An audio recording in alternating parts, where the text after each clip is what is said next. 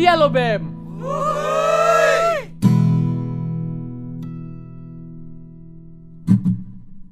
Kue pagi di atas loyang, kembali lagi di podcast tersayang Halo Dialo Bem, aku Amanda Karenisa yang akan menemani kalian pada episode kali ini bersama tiga bintang tamu kita yang cantik-cantik. Langsung aja nggak perlu basa-basi, yuk kita kenalan. Halo rekan makna, aku Gaby. Aku Cindy. Aku Alma. Episode kali ini kita akan lebih sharing-sharing sih cerita-cerita apa aja sih kisah-kisah yang mengisi kehidupan perkuliahan di universitas tercinta kita. Nah mungkin dimulai dari jurusan kali ya. Nah jurusan kakak-kakak ini apa aja sih kalau boleh tahu? Oke, kalau aku di sini jurusannya dari administrasi publik. Kebetulan aku dari angkatan 2019. Nah, kalau aku, aku dari uh, bisnis, angkatan 2019 juga. Oke, kalau aku dari administrasi bisnis juga, angkatannya 2018. Wah, seru-seru nih karena jurusannya beda-beda. Pasti bakal menarik untuk dibahas. Nah, untuk kakak sendiri milih jurusan ini karena kemauan sendiri atau gimana ya? Kayak bisa nentuin kayak, wah ini jurusan aku banget nih.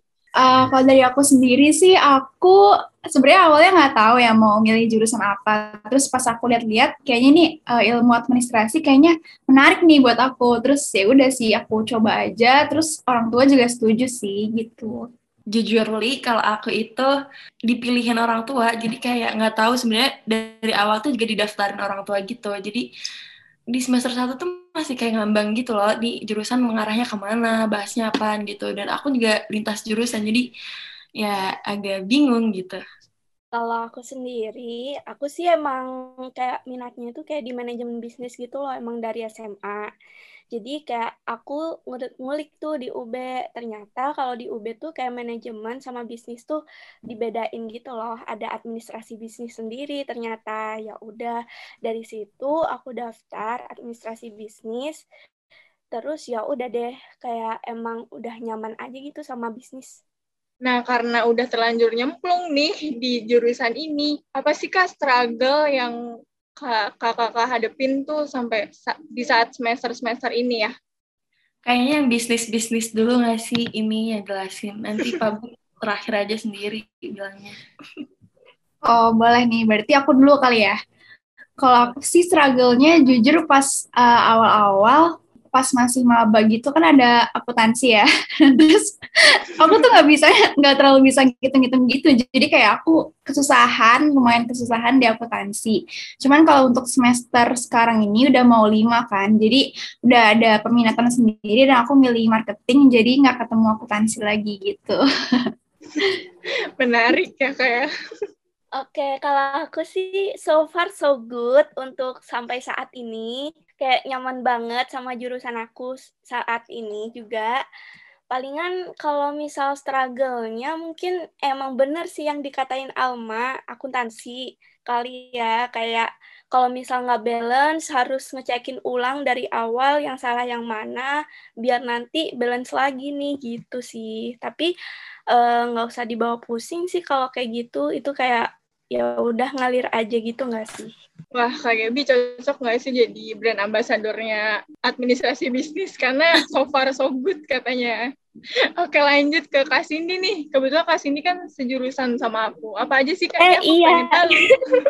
um, kalau di publik, ini sih, jujur. Kebanyakan teori. Jadi tuh yang paling bikin uh, nyesel itu adalah di semester 1 nggak serius. Jadi teori-teori teori-teori dasarnya itu yang ada di semester 1 sekarang tuh udah lupa. Jadi cuma ingat nama-namanya doang gitu. Jadi pesan aku kalau yang di administrasi publik semester satu harus diingat-ingat banget sih karena teori dasarnya di situ nanti teori itu bakal berkembang di semester-semester selanjutnya gitu.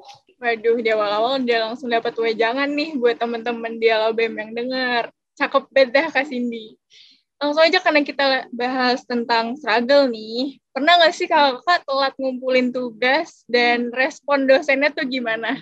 Oke, okay, kalau uh, aku sering sih, uh, apalagi kalau online kayak gini ya, biasanya karena dosen-dosen kan ngasih tugasnya tuh waktu cuma dua jam atau enggak 45 menit kayak gitu kan. Sedangkan jawaban itu tuh pasti lebih dari dua halaman tiga halaman gitu loh dan kebanyakan juga ditulis tangan ya kan.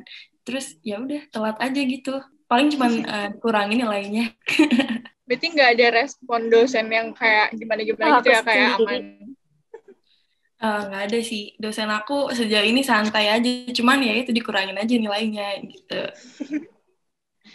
oke lanjut nih kak Gebi Oke, kalau aku sendiri sih uh, jujur belum pernah kalau misal tugas. Mungkin UAS kali ya, UAS UTS. Karena kan kalau UAS UTS kan di waktu gitu kan. Jadi kadang tuh terlambat beberapa menit gitu loh. Karena apalagi online gini kan. Kalau online kan pasti kendalanya adalah sinyal gitu. Pasti kayak telat beberapa menit. Cuma kayak dosen memaklumi sih biasanya kalau misal telat beberapa menit karena emang kendalanya ya sistem online tuh ya karena sinyal gitu.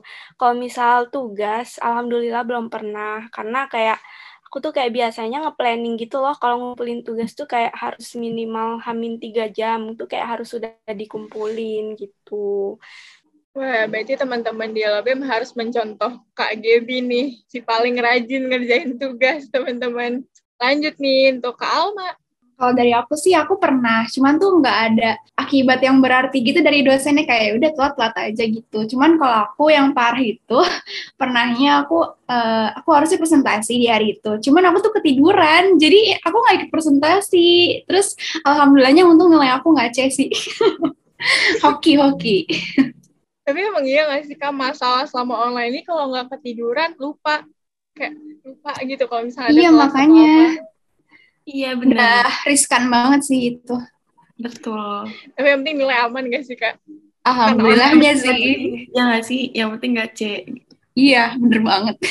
Nah karena kalau kakak ini udah semester atas nih pernah nggak sih kalau kakak tuh kena plagiasi? Karena ini kan paling common struggle kan nah cara ngatasinnya tuh gimana? Hmm, kalau uh, aku karena di pabrik kan tiap tiap minggu ya bisa disuruh bikin makalah. Jadi kayak kebiasaan gitu loh dari awal-awal. Jadi udah melewati uh, mas uh, apa sih namanya? Bertarung dengan plagiasi ya. Jadi kayak sekarang tuh udah biar biasa aja gitu plagiasi. Paling 15 15 persen kayak gitu sih. Karena udah saking banyaknya makalah yang dibikin kali ya. Jadi kayak punya kata-kata sendiri buat parafrasein si apa namanya si contekan alias apa sih kopas dari makalah-makalah orang gitu. Kalau aku sih sejujurnya uh, selama aku kuliah sampai semester 4 kemarin ya, itu aku dapat dosen itu kayak uh, jarang yang merhatiin plagiasi gitu loh. Jadi kalau misalkan aku ada tugas ya udah comot-comot aja. Cuman pernah sekali waktu itu ada dosen emang dia tuh nentuin kalau uh, maksimal plagiasinya itu uh, 10%. Jadi mau nggak mau ya harus diparafrase sih gitu. Iya sih benar setuju sama teman-teman yang lain kayak pasti semuanya pernah kena plagiasi nggak sih apalagi kayak paper-paper gitu-gitu kan harus dicek kan plagiasinya. Kayak bahkan kita udah ngutip tuh tetap aja kena plagiasi. Paling ya emang harus diatur sih parafrasenya. Terus abis itu mungkin dikurang-kurangin kalimatnya atau ditambahin gitu-gitu deh Nah, lanjut aja karena kita lagi ngebahas tentang perdosenan ya tadi kan. Pernah nggak sih kakak tuh di ghosting sama dosen pas lagi sayang-sayangnya? Salah maksudnya pas lagi butuh banget nih, pas lagi urgent banget. Jujur li nggak pernah. Kayak karena apa ya? Aku kayak bukan orang yang suka jadi ketua kelas gitu loh. Kan biasanya kalau yang hubungin dosen kan ketua kelas ya. Ya, aku nggak uh, pernah jadi ketua kelas. Jadi kayak palingan aku nanya lewat ketua kelas gitu. Jadi kayak jarang banget ngehubungin dosen. Paling kayak di ghosting tuh sama beberapa orang administrasi di VIA sih kayak ngurus LPJ gitu yang di ghosting. Malah yang kayak gitu-gitu. Gitu. Jadi ghostingnya sama orang-orang administrasinya ya malah ya. Iya Jadi, bener banget menjadi pengurus administrasi di BEM itu emang berat ya. Oke lanjut ya ini dari Kak Alma mungkin ada on Aduh, kalau aku um, Pernah sih sekali, cuman itu juga uh, bukan yang selalu di ghosting gitu, karena waktu itu aku kebetulan jadi ketua kelas tuh. Terus uh, aku tuh chat dosennya kan, cuman tuh kadang-kadang dirit doang atau nggak dibales. Sedangkan teman aku yang jadi ketua kelas juga di matkul yang beda tapi dosennya sama, itu tuh dibales gitu loh. Jadi kayak aku, ini salah aku apa? gitu sih. Dan aku setuju banget ya sama Kak Gaby Bener-bener banget, dan aku setuju sama Kak Gebi. Malah yang sering di ghosting itu sama orang-orang administrasi sih, bukan malah sama dosen gitu. Yuk, tolong orang-orang administrasi peka setelah mendengar podcast BEM kali ini. Iya, Kalau, betul. Jajaran dekanat, yuk bisa. Kalau aku, uh, jujur belum pernah. Pernah jadi ketua kelas, tapi uh, pas banget dapet dosen baik. Cuman uh, yang uh, kemarin, baru banget semester kemarin, semester 4 ini, uh, sekelas tuh di ghosting dosen gitu loh. Jadi kayak cuma empat kali pertemuan terus tiba-tiba nilainya keluar. Udah gitu deh. Nilainya juga bagus. Tapi kalau di ghosting yang kayak gitu seru nggak sih kak? Tahu-tahu nilainya bagus di KRS uh, eh, itu enaknya. Nggak enaknya adalah uh, mata kuliah penting gitu. Itu mata kuliah buat ambil jurusan ke depannya gitu. Nah biasanya nggak ngerti apa-apa tuh. Iya bener-bener ngerti apa-apa Gitu. Sedih banget ya. Uh, mulai dong kak, sebagai aku nih kayak maba, kau kan maba online nih. Kakak pasti punya dong kayak preferensi etika ngechat dosen yang baik tuh gimana sih kak kalau boleh tahu? Um, kalau aku biasanya yang harus diperhatiin itu uh, huruf kapital, terus kalau chat dosen tuh jangan cuma satu paragraf gitu harus kayak di spasi apa sih namanya di enter gitu ya biar biar pokoknya disusunnya tuh kayak hampir kurang lebih kayak surat gitu loh. Jadi kayak kalau atas pembukaan di di gang satu gitu buat perkenalan nama baru di gang satu lagi buat uh, chat intinya kayak gimana terus jangan lupa bilang makasih sama tutup salam kayak gitu sih. Itu terus jangan lupa yang penting lagi adalah nim. Nim itu kalau nggak di uh, setahu aku uh, nim itu kalau nggak di kita nggak nggak kasih di awal nggak bakal dibales tuh katanya dosen. Hmm, berarti kalau menurut Kak Cindy nih yang pertama tuh yang penting ngurutin apa yang uh, kita mau tanya ini itu sama jangan lupa memperkenalkan diri sama memperhatikan kata-kata yang akan kita sampaikan. Nah, kalau selanjutnya ada tips lagi nggak sih dari mungkin dari KGB atau Palma? Kalau dari aku sih ya, yang pertama itu pasti assalamualaikum atau uh, selamat siang, pagi, sore kayak gitu. Nah, terus yang kedua, bener nih kata Cindy, perkenalan dulu uh, nama sama NIM itu harus banget sih. Habis itu baru kita uh, nyampein apa sih tujuan kita ngecat dosen tersebut. Nah, terus yang terakhir jangan lupa bilang uh, terima kasih dan emot emot tangan lebaran itu harus sih. Sumpah. Wajib sih itu sumpah. Wajib. Oke, kalau aku sendiri ya Uh, biasanya sih sama sebenarnya kayak teman-teman yang lain, cuman aku biasanya nggak pakai nim, cuman pakai nama eh cuman pakai jurusan gitu, jurusan sama prodi gitu biasanya. Terus sama aku biasanya kayak nyesuaiin sih sama dosennya kayak apakah dosennya itu apa namanya? Kadang tuh ada dosen yang uh, pengennya itu di chat kayak santai aja gitu loh, nggak usah formal-formal. Kadang ada yang pengennya yang dicat formal gitu. Jadi kayak nyesuaiin dosennya sih kalau aku. Oke, berarti kita dapat insight baru nih. Selain memperhatikan kata, nulis nim, salam, tapi kita juga harus menyesuaikan gimana karakter dari si dosen ini. Pernah nggak sih kan nentuin target IP per semester? Kayaknya semua orang nggak sih nentuin uh, target IP semester tuh per semester tuh. Soalnya uh, kalau aku pribadi itu emang kayak biasanya dari awal semester gitu sih awal tahun bahkan. Kayak awal tahun tuh aku bikin IDP kalau teman-teman tahu IDP tuh kayak individual development plan di mana itu tuh kayak buat nentuin setahun itu aku bakal ngapain aja, pengen nge-achieve apa aja gitu buat setahun gitu kayak jadi kayak harus bener-bener aku plan itu sih biasanya emang aku tiap awal tahun tuh selalu bikin ID ini dan IDP ini salah satunya itu isinya ya target IP aku gitu sih. Wah, berarti KGB itu termasuk mahasiswa yang sangat terstruktur ya teman-teman. Dia udah punya planning ke depannya. patut kita Enggak juga, guys. Kadang juga ada yang melenceng, tapi itu kayak wajar sih. Benar. Setidaknya kita udah niat dulu gak sih, Kak? Niat Iya, yang baik betul akan menghasilkan sesuatu yang baik. Wah, Betul. of the day. Sepakat. Oke, lanjut. Kalau aku sih ya, jujur aku nggak setertata KGB sih.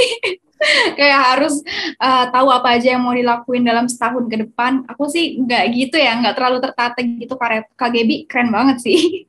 Terus kalau aku, uh, jujur aku kalau misalkan nentuin target IPK tuh nggak cuman aku tuh se- uh, sebisa mungkin seberusaha aku buat uh, yang terbaik gitu di matkul di semua matkul jadi kalau misalkan udah berusaha buat yang terbaik kan kalau nggak sesuai ekspektasi ya ya udah yang penting udah berusaha gitu kalau aku Nah, benar banget sih, Kak. Aku juga gitu. Jadi, paling tuh mikirin kayak, oh, pokoknya semester depan harus bisa lebih baik setidaknya dari semester sebelumnya. Tapi KGB emang keren banget gak sih? Kayak udah punya planning gitu ke depannya. Parah sih, dibikin KGB.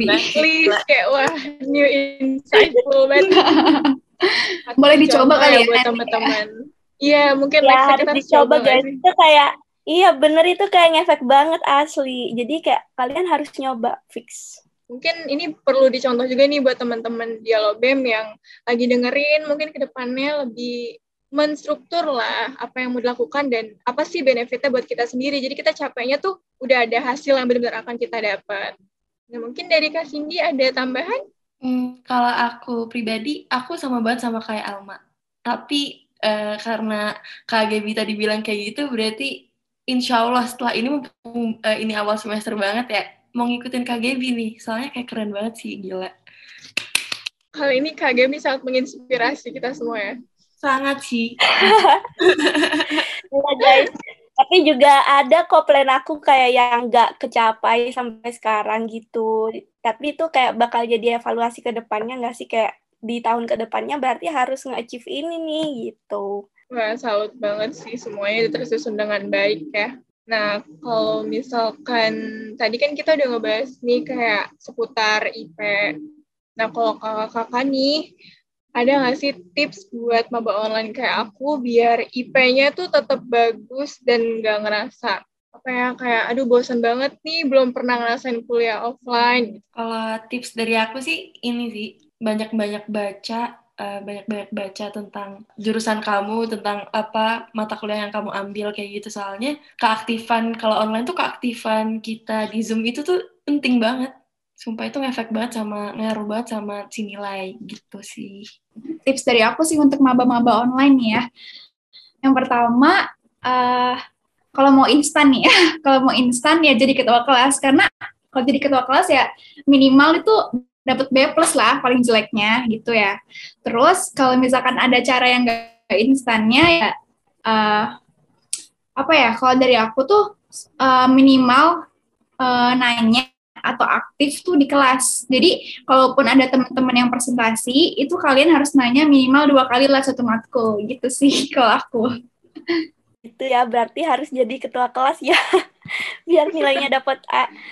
Kalau aku sendiri, aku sih biasanya eh, eh, jangan sampai bolos gitu loh. Maksudnya jangan ambil jatah kalau bisa. Itu karena karena kayak ngaruh gitu loh. Kadang ada dosen yang ngitung jumlah masuk kita gitu loh, gitu. Terus habis itu juga rajin-rajin ngumpulin tugas, jangan sampai bolong gitu.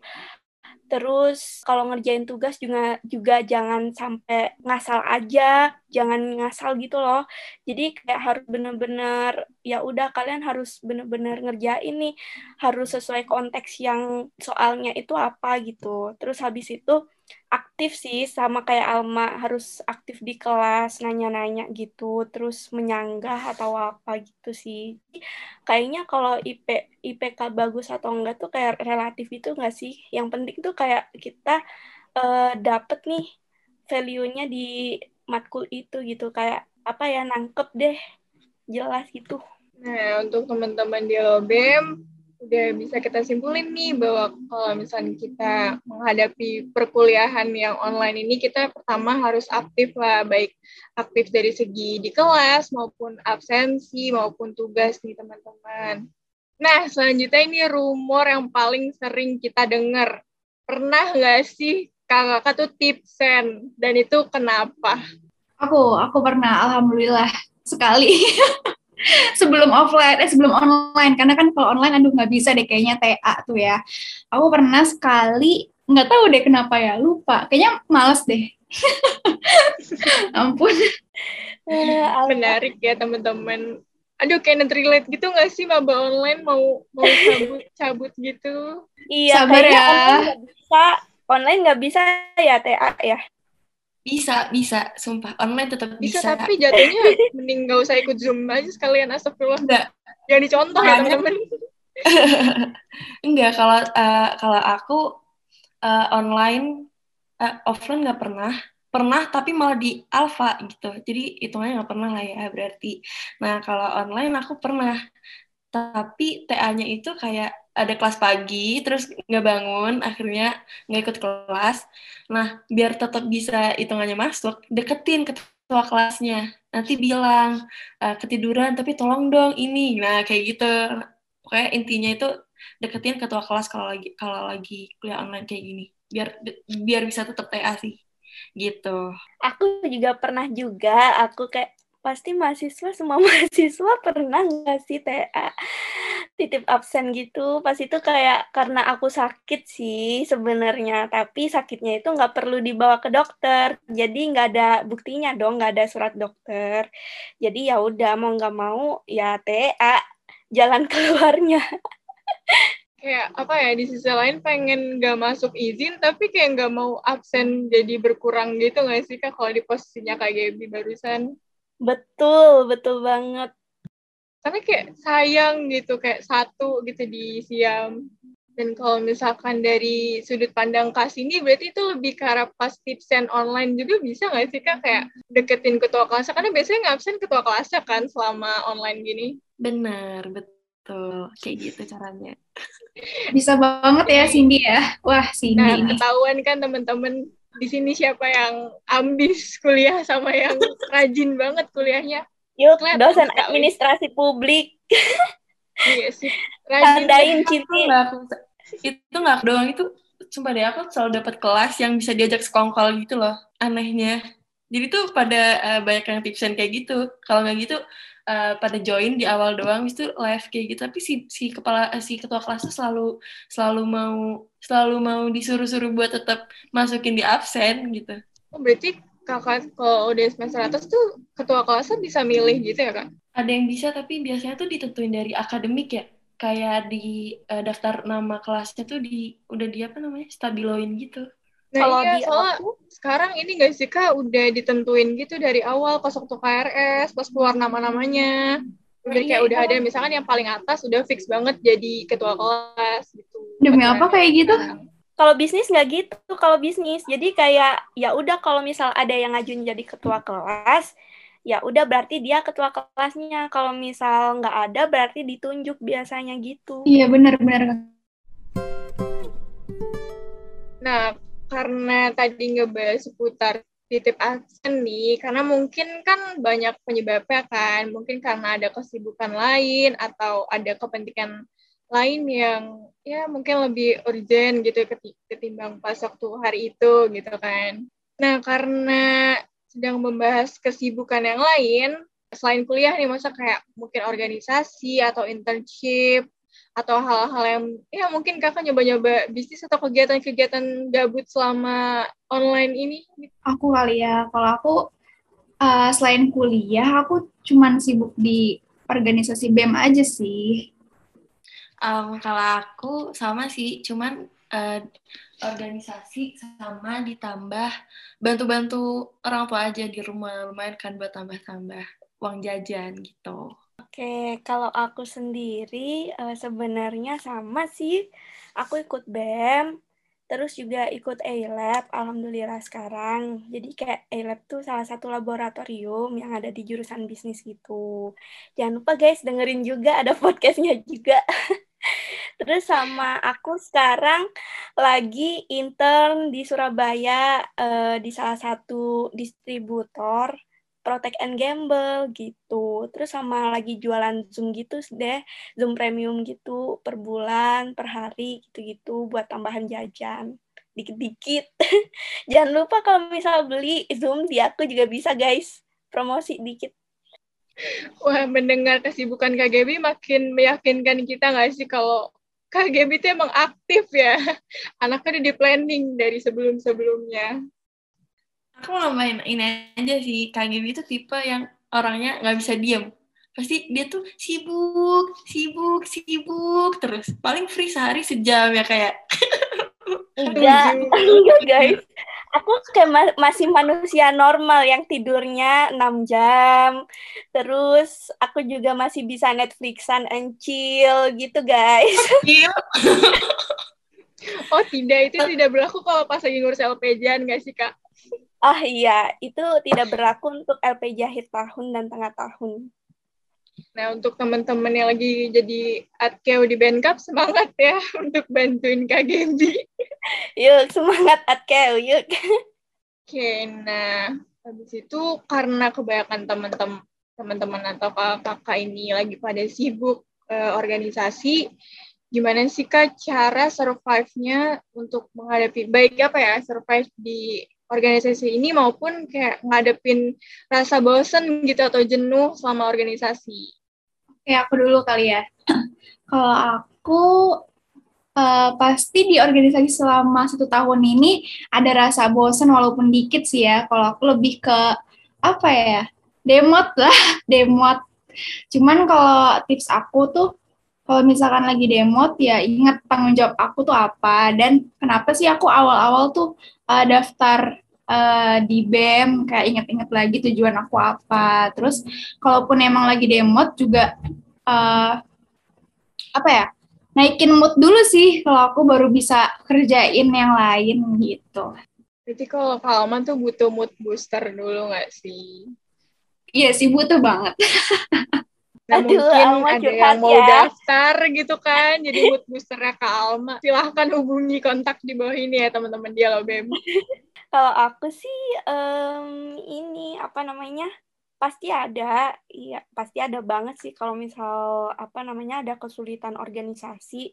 Apalagi uh, aku alhamdulillah tahun ini kan diamanahkan menjadi bendahara kabinet. Jadi as leader ya pasti kayak harus ini kan harus tanggung jawab ke anak-anaknya kayak gimana gitu. Terus mikirin banget sih ini anak-anaknya seneng gak ya diginiin ini anak-anaknya uh, demot gak ya diginiin gitu sih terus kalau how to survive it ya aku pribadi biasanya kayak evaluate diri gitu sih uh, pokoknya kayak apa ya minta pendapat juga ke teman-teman gitu apa yang kurang dan apa yang harus dibenahin biar efektif gitu ke depannya di organisasi gitu Uh, kalau aku pribadi, karena aku ada di Ekraf, ini sekalian mau promosi kali ya, boleh nggak sih? Boleh dong. Kesulitannya adalah uh, jualan online sih, yang paling sulit ya. Karena kan ada target, terus kalau online kayak gini juga uh, uh, banyak juga staff anggota BEM yang belum tahu ada Saiken mungkin dan uh, banyak juga yang belum belum beli gitu. Nih uh, anak-anak BEM yang dengar tolong ya segera beli uh, merchandise atau akun premium di Ekraf gitu nanti bisa lah langsung PC-PC di kontak yang ada di line kalian gitu. Itu aja sih. Yuk teman-teman Jalo BEM bantu Ekraf mencari cuan. Iya. Aduh, aku adalah tolong dong dibeli gitu aja sih aku tersindir nih aku belum pernah beli soalnya iya itu pas aja sih aduh, di sini aduh, Alma gimana sih Alma Waduh, kenanya langsung di podcast nih, Kak. Didengar satu BEM. Aduh, gawat-gawat. Aku les kali ya. Nggak gitu, bubar dong. Nah, selanjutnya ini bakal menarik banget sih, Kak, buat dibahas. Karena pertanyaannya adalah, pernah nggak sih cinta lokasi selama kuliah ataupun organisasi? Sini dulu nih kayaknya nih, paling nah, pro nih kayaknya. Apa dulu sih? Iya, Kak Cindy kan sumber nggak sih, Kak? Takut, takut melangkahi gitu, ya nggak sih? Oh ya. Kita mulai dari KGB dulu nggak sih, sebagai petua kita semua? Aduh, pernah nggak ya? Pernah nggak ya? ah aku nggak mau bilang ah di sini nanti didengerin sama anak satu via pokoknya aku nggak mau bilang ah yang lain aja baik Wah ini ini tuh ajang loh kak. Jadi kalau yang buat dia kali aja dia tuh denger. Jadi kan kayak oh my God, jadi selama ini aku ada pengagum rahasia gitu. Siapa tahu di sini di notice ya. Mm-mm. Habis ini nanti nanti di Iya, guys. bio dialobemnya Kayak dikasih link IG deh. Gimana kak?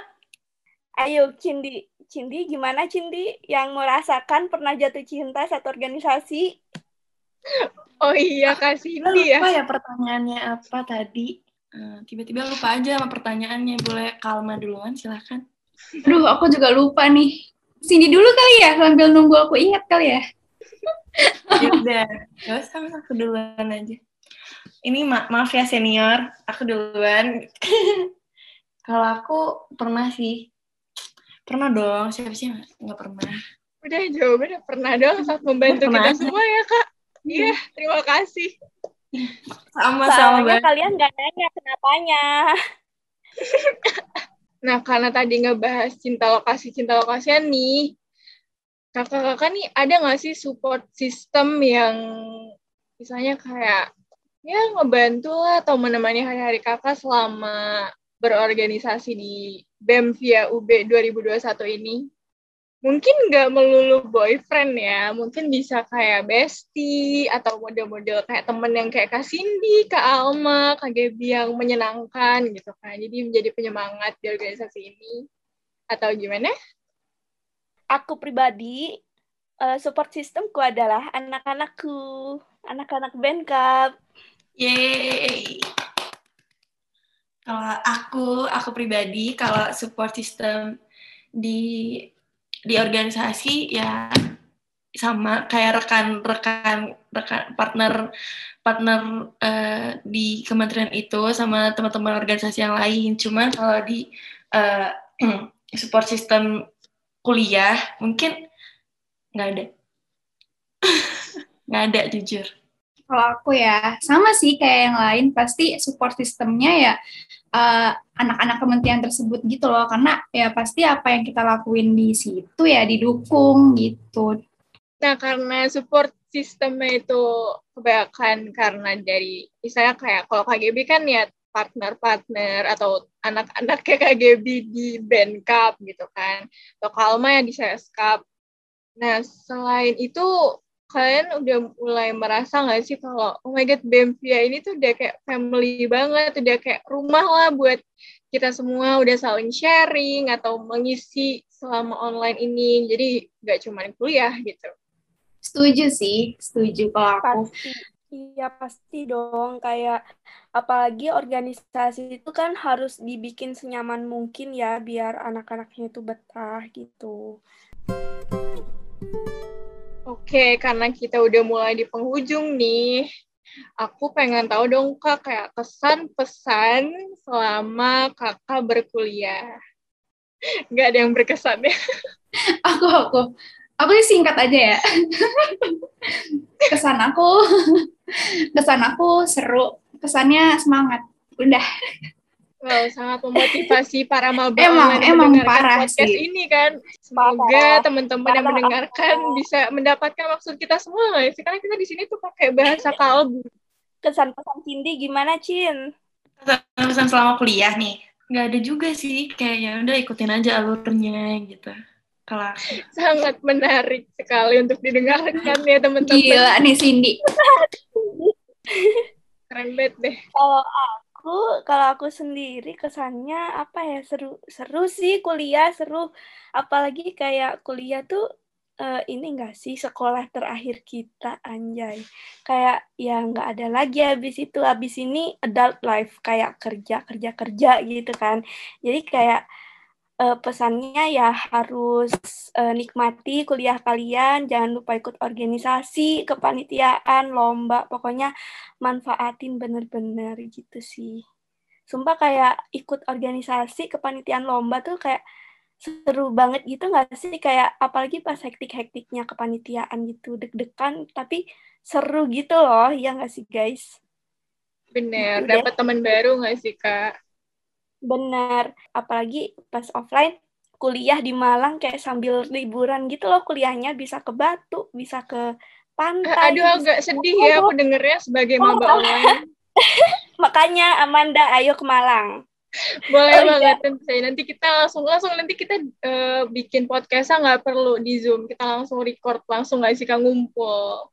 Betul, betul ben banget bener-bener beda ya pas waktu kita dengar jawaban dari KGB gitu kan. Langsung kita disuruh ikut aktif kepanitiaan. Iya beda banget sama kita ya Alma ya. Beda aduh mohon maaf nih yang dengerin jawaban aku sama Cindy maaf ya. Hey guys padahal kalian ikut organisasi. Beda-beda sama aja ya. Bener mungkin kalau sama Kasini tuh pemalu. Kita namanya. pemalu banget ya Sin ya, ya ini aja nggak on cam ya kita Alma ya, karena malu banget. malu-maluin nggak sih kak? Oke nih kak, last banget, last questions. Kakak tuh prefer online atau offline? KGB dulu nggak sih? Takut anjlok jawabannya. Aku tahu jawaban Kak Cindy biar bisa tipsen kan. Tapi iya guys, aku aku uh, apa namanya sampai sekarang mulai sekarang kayak udah nyaman online gitu loh. Apalagi sekarang kan aku tinggal sidang-sidang aja nih. Kalau sidang offline kan serem jadi aku lebih milih online. Gitu guys. Tapi organisasi tetap offline deh kayaknya. Karena kurang berasa ya online. Setuju banget sih kalau aku pribadi disuruh milih kuliah online atau offline, jujur li nikah sih kalau bisa. Enggak bercanda. Kalau agak Cindy. eh, sumpah aku support. Kita harus support Ayo buat gitu sih, yang ini, yang dengerin ini, Arik, Arik yang dengerin ini. Sebut merek dong. Sebut merek. Masuk sponsor. Ya semoga Karik denger ya udah udah udah di kode loh. Mana lewat podcast Bukan kode lagi sebutin nama ya, kayak secara resmi. Astagfirullahaladzim bukan bercanda ya guys. Ini serius nih kalau aku disuruh pilih online atau offline setengah-setengah boleh nggak sih? Kayak organisasi terus kuliah biasa itu offline. Tapi kalau kayak yang tugas, ngumpulin tugas, ujian, UAS, UTS kayak gitu online aja gitu. Boleh nggak sih kayak gitu? Nah, aku sepakat sih.